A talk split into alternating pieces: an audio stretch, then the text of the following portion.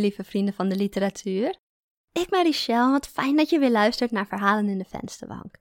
En het verhaal van deze week gaat over een, een meisje met alexithymie. En alexithymie is een diagnose waarbij je het heel moeilijk vindt en het je gewoon niet lukt om woorden te plakken op de gevoelens die je voelt. En dat vind ik zelf een heel fascinerend gegeven. En tegelijkertijd gaat het ook over iemand die heel lang in therapie is geweest en het, het gaat nu weer goed met deze persoon, maar het is niet over. Therapie, het is niet als een antibiotica-kuurtje. Je doet het en dan ben je klaar en dan is het weer weg. Op een gegeven moment vind je een balans en dan weet je, zo moet ik leven, zo moet ik met mezelf omgaan. Ja, en nog steeds blijft het dan gewoon heel hard werken om, om de juiste keuzes te blijven maken. Het meisje in dit verhaal heeft dus heel lang therapie gehad. Nu, nu leeft ze haar leven. Voor de buitenwereld lijkt het allemaal goed te gaan. Maar dan gebeurt er iets op haar werk. Ze krijgt een klant waar ze, waar ze niet goed mee kan opschieten. En ja, ineens moet ze weer heel hard vechten om de juiste, de gezonde keuzes te maken. Eén waarschuwing nog: het verhaal zou mogelijk triggerend kunnen zijn als je uh, een eetstoornis hebt gehad of als je uh, snel getriggerd wordt door grensoverschrijdend gedrag en seksueel grensoverschrijdend gedrag. Dus als je daar last van hebt, misschien kan je dit verhaal beter even overslaan en een ander verhaal gaan luisteren, want we hebben er ondertussen 33, dus er zit vast wel iets bij wat je wel kunt luisteren. Ik wens jullie heel veel plezier met het verhaal. Gooi het er maar uit. Als je het verhaal nou mooi vindt, of het raakt je, of je wilt er iets over kwijt, kom dan langs op de website www.verhalenindevensterbank.nl en laat het ons weten. Of vind me op Instagram, of kom langs op ons YouTube-kanaal. Want we horen graag van onze luisteraars. U gaat luisteren naar het verhaal. Gooi het er maar uit. Geschreven en voorgelezen door Richelle en Edens. Een zeer onprettig gevoel. Dat is het. Door de alexithymie kan ik de nuances van mijn gevoelens niet abstraheren tot overkoepelende concepten waarop men dan een naam kan plakken, als boosheid of verdriet. Althans, dat zeggen ze in therapie. Soms mis ik de ex die mij emotioneel manipuleerde. Bij haar wist ik tenminste dat er ook liefde was. Er staat een grijze ei op de salontafel en ingesloten in dat glas een vlinder en wat luchtbelletjes. Als kind pakte ik dat ei op, dan drukte ik het glas tegen mijn oog, zo stevig als ik maar kon, en dan bekeek ik de oneffenheden. De kleine lijntjes, de stofjes en de luchtbellen, die van zo dichtbij gigantisch leken.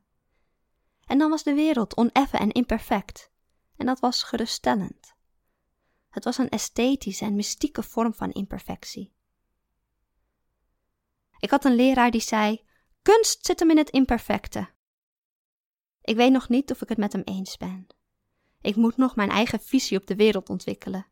Als ik zeg dat ik het met hem eens ben, voelt dat als een inhoudsloze echo om wijs en ontwikkeld te lijken. Tegenwoordig, als ik het ei tegen mijn oog druk, zie ik alleen maar waas. Mijn ogen zijn achteruit gegaan.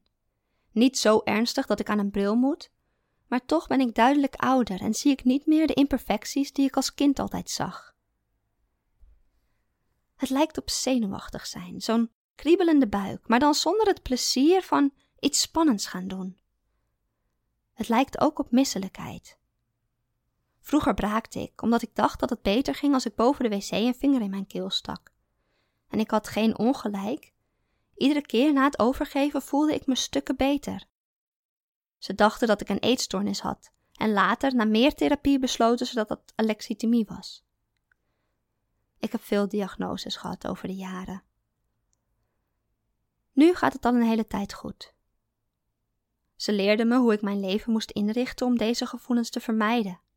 Maar nu ik het toch weer voel, is de drang om mijn vinger in mijn keel te steken nog net zo intens. Daar hebben al de jaren therapie niets aan veranderd. De zon schijnt dwars door het oranje ei en tekent een wazige plek. Eerst op de salontafel en daarna ook op mijn vingers en handpalm. Ik wil iets doen. Ik bungel met mijn benen en zoek afleiding. Ik schrijf een woord in een kruiswoordraadsel en twee cijfers in een sudoku. Ik kijk van drie YouTube-filmpjes de eerste 10 seconden en lees van twee boeken de eerste regel. Ik probeer te tekenen, maar geef op nog voor ik begin, omdat ik de puntenslijper niet kan vinden. En vijf minuten later zit ik weer op de bank met hetzelfde vervelende gevoel in mijn buik. Ik pak het glazen ei met de vlinder van tafel en balanceer hem op mijn knie. Met wat speeksel poets ik hem op. Vroeger stond het in de vensterbank van mijn oma. Een keer toen ze niet keek, nam ik het stiekem mee. Mijn vingers pulken aan mijn lippen, alsof ze hun weg naar binnen proberen te vinden. Ik pers mijn lippen op elkaar en ga boven op mijn handen zitten. Een relatie kun je uitmaken. Een vriendschap kun je dood laten bloeden en met een familielid kun je het contact verbreken. Maar wat doe je als die persoon een klant is? Het ei glijdt van mijn knie af en met een doffe bons valt hij op de vloerbedekking. In mijn speeksel kleven nu allemaal stofjes. Ik zou moeten stofzuigen. Ik pak de stofzuiger uit de gangkast. Ik ontrol het snoer en merk dat ik de pootjes van de stekker langs mijn lippen streel. In een impuls open ik mijn mond en duw de stekker naar binnen, heel diep achterin tot het mijn keel irriteert. Een stekker is geen vinger. Ik weet zelf ook wel dat het raar is en ik moet hardop giechelen. En daarom omdat ik besef dat ik in mijn eentje in de woonkamer sta, hysterisch kakelend, met de stekker van de stofzuiger in mijn mond, moet ik nog harder lachen. Ik kan niet meer stoppen. Het gaat niet goed. Dat is duidelijk. Stomme rotklant. Ik spuug de stekker uit en ga terug op de bank zitten. Het glazen ei veeg ik schoon aan mijn t-shirt. Ik probeer te bedenken wat ik tegen personeelszaken zou kunnen zeggen. Ik wil niet met deze klant samenwerken, omdat ze me dingen laat zeggen die ik niet wil zeggen, omdat ze zo'n opdringerige persoonlijkheid heeft dat ik geen nee durf te zeggen. Dat zeg je niet. In feite is het mijn eigen schuld. Als ik betere sociale vaardigheden had, dan voelde ik me vast niet zo machteloos nu. Voelde ik me machteloos? Niet uitsluitend. Ik merk dat ik het ei tegen mijn lippen wrijf en ik weet niet hoe lang ik dat al doe. Het glas sleept zachtjes over mijn mond, alsof het mij streelt. En dan opeens open ik mijn mond en zuig ik het naar binnen. Alsof het minder erg zou zijn als ik kokkenhals vanwege een decoratief ei, dan van stekkers of vingers. Het is te groot. Het zijn de kleine grensjes. Zulk soort mensen als mijn ex en die klant, ze beginnen altijd het eerst te tornen aan je kleine grenzen. Ze hebben een heftige emotie waardoor je denkt: oké, oké, dan doen we het wel op jouw manier. Je doet iets, iets kleins wat je eigenlijk niet wil doen en je vertelt jezelf dat het niet uitmaakt. Dat het er niet toe doet. Dat dit makkelijker is dan geconfronteerd worden met die enorme golf van emoties. Maar uiteindelijk willen ze je borst vasthouden in de nacht en zeuren ze daar net zo lang om tot je slaapgedepriveerd en murfgezeurd toestaat, terwijl je dat niet wilt. Aan het eind stem je in met je eigen aanranding. Ik moet niet je zeggen. Dat hebben ze me in therapie geleerd. Dan distancieer ik mezelf te veel van momenten en gevoelens die ik zelf heb meegemaakt. Ik moet ik zeggen. Ik moet zeggen, ik stemde in met mijn eigen aanranding. Een klant is niet een ex. Het is pas zaterdagochtend. Braken zou zoveel makkelijker zijn. Gewoon even mijn vingers achter in mijn keel en bam, ik ben niet misselijk meer. Bam, ik kan gewoon van de rest van mijn weekend genieten. Wat als ik echt misselijk ben? Misschien heb ik iets verkeerds gegeten. Misschien heb ik melk van over de datum gedronken of tonijnsalade gegeten die te lang buiten de koelkast heeft gestaan. Ik sta op van de bank en zet twee stappen in de richting van de keuken. Ik weet dat ik op het punt sta om de tonijnsalade expres op het aanrecht te zetten, zodat ik straks tijdens de lunch echt iets verkeerds kan eten. Maar dat is misschien nog destructiever dan gewoon mijn vingers in mijn keel. Ik stop mezelf en doe alsof ik al die tijd al naar de meterkast onderweg was. Uit de gereedschapskist pak ik de ducttape. Ik scheur een stukje af en plak dat op mijn mond. Mijn adem is te nat en mijn tong en speeksel zijn te glibberig. Met een paar seconden ligt de tape op de grond. Mensen zeggen: Je moet je werk niet mee naar huis nemen. Ik haal diep adem en kijk in het glazen ei. Mediteren is goed, zeggen ze. Mediteren schijnt te helpen. Hoe langer ik aan niets denk, hoe meer ruimte mijn gedachten hebben om momenten met die klant terug te halen. Die snerpende stem, die felheid in de ogen, de dwingende woorden. Steeds weer herinner ik me iets nieuws. Een nieuwe oogopslag, een woordkeuze, een subtiele beweging met de vingers die een nieuwe interpretatie verdient. Het misselijke gevoel wordt intenser. Dit ziet de buitenwereld niet. Ik braak niet meer en dat is wat de therapeut wilde horen. Ik ben weer aan het werk, dat telt. Eén piepklein vingertje in mijn keel. Niemand zou het zien, niemand zou het hoeven weten. Van één enkele vinger krijg je nog geen kaliumtekort, nog geen hartproblemen, nog geen verrotte tanden. In tien minuten kan ik me beter voelen. Mijn zelfdiscipline raakt op. Mijn wijsvinger zit al in mijn mond, streelt mijn tong en het lukt me niet om hem terug te trekken. Dus sluit ik mijn lippen om mijn vinger en doe alsof ik sabbel, alsof ik duim, maar dan op mijn wijsvinger.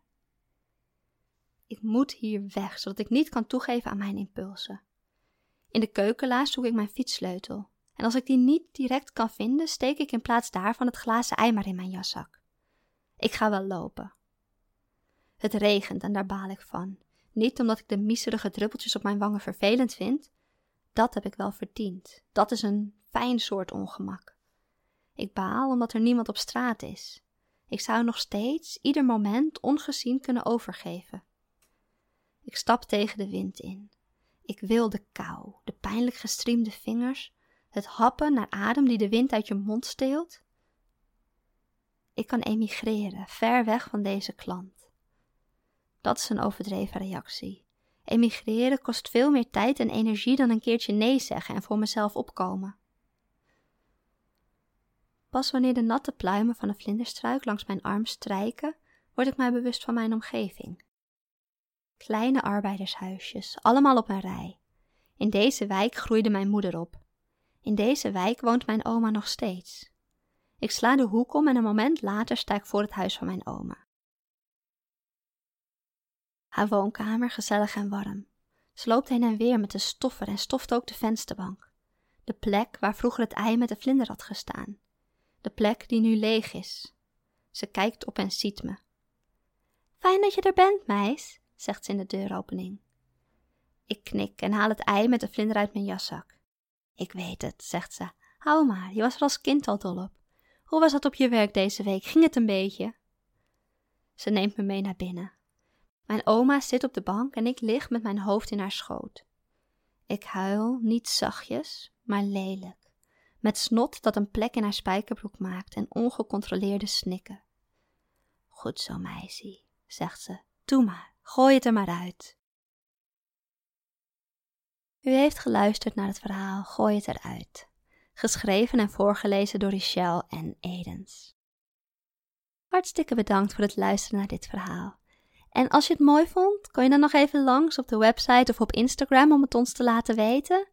Of als je podcast-app het toelaat, geef dit verhaal dan 5 sterren of een like, net wat er voor jou mogelijk is. En vertel over dit verhaal aan een vriend, een vriendin, een moeder of een schoonvader, een oom, een buurvrouw of een collega. En vergeet niet je te abonneren op dit kanaal, want we hebben jou er graag volgende week weer bij. Voor nu, een hele fijne avond en een hele fijne week. En ik zie jullie allemaal volgende week bij het volgende verhaal. Doei doei!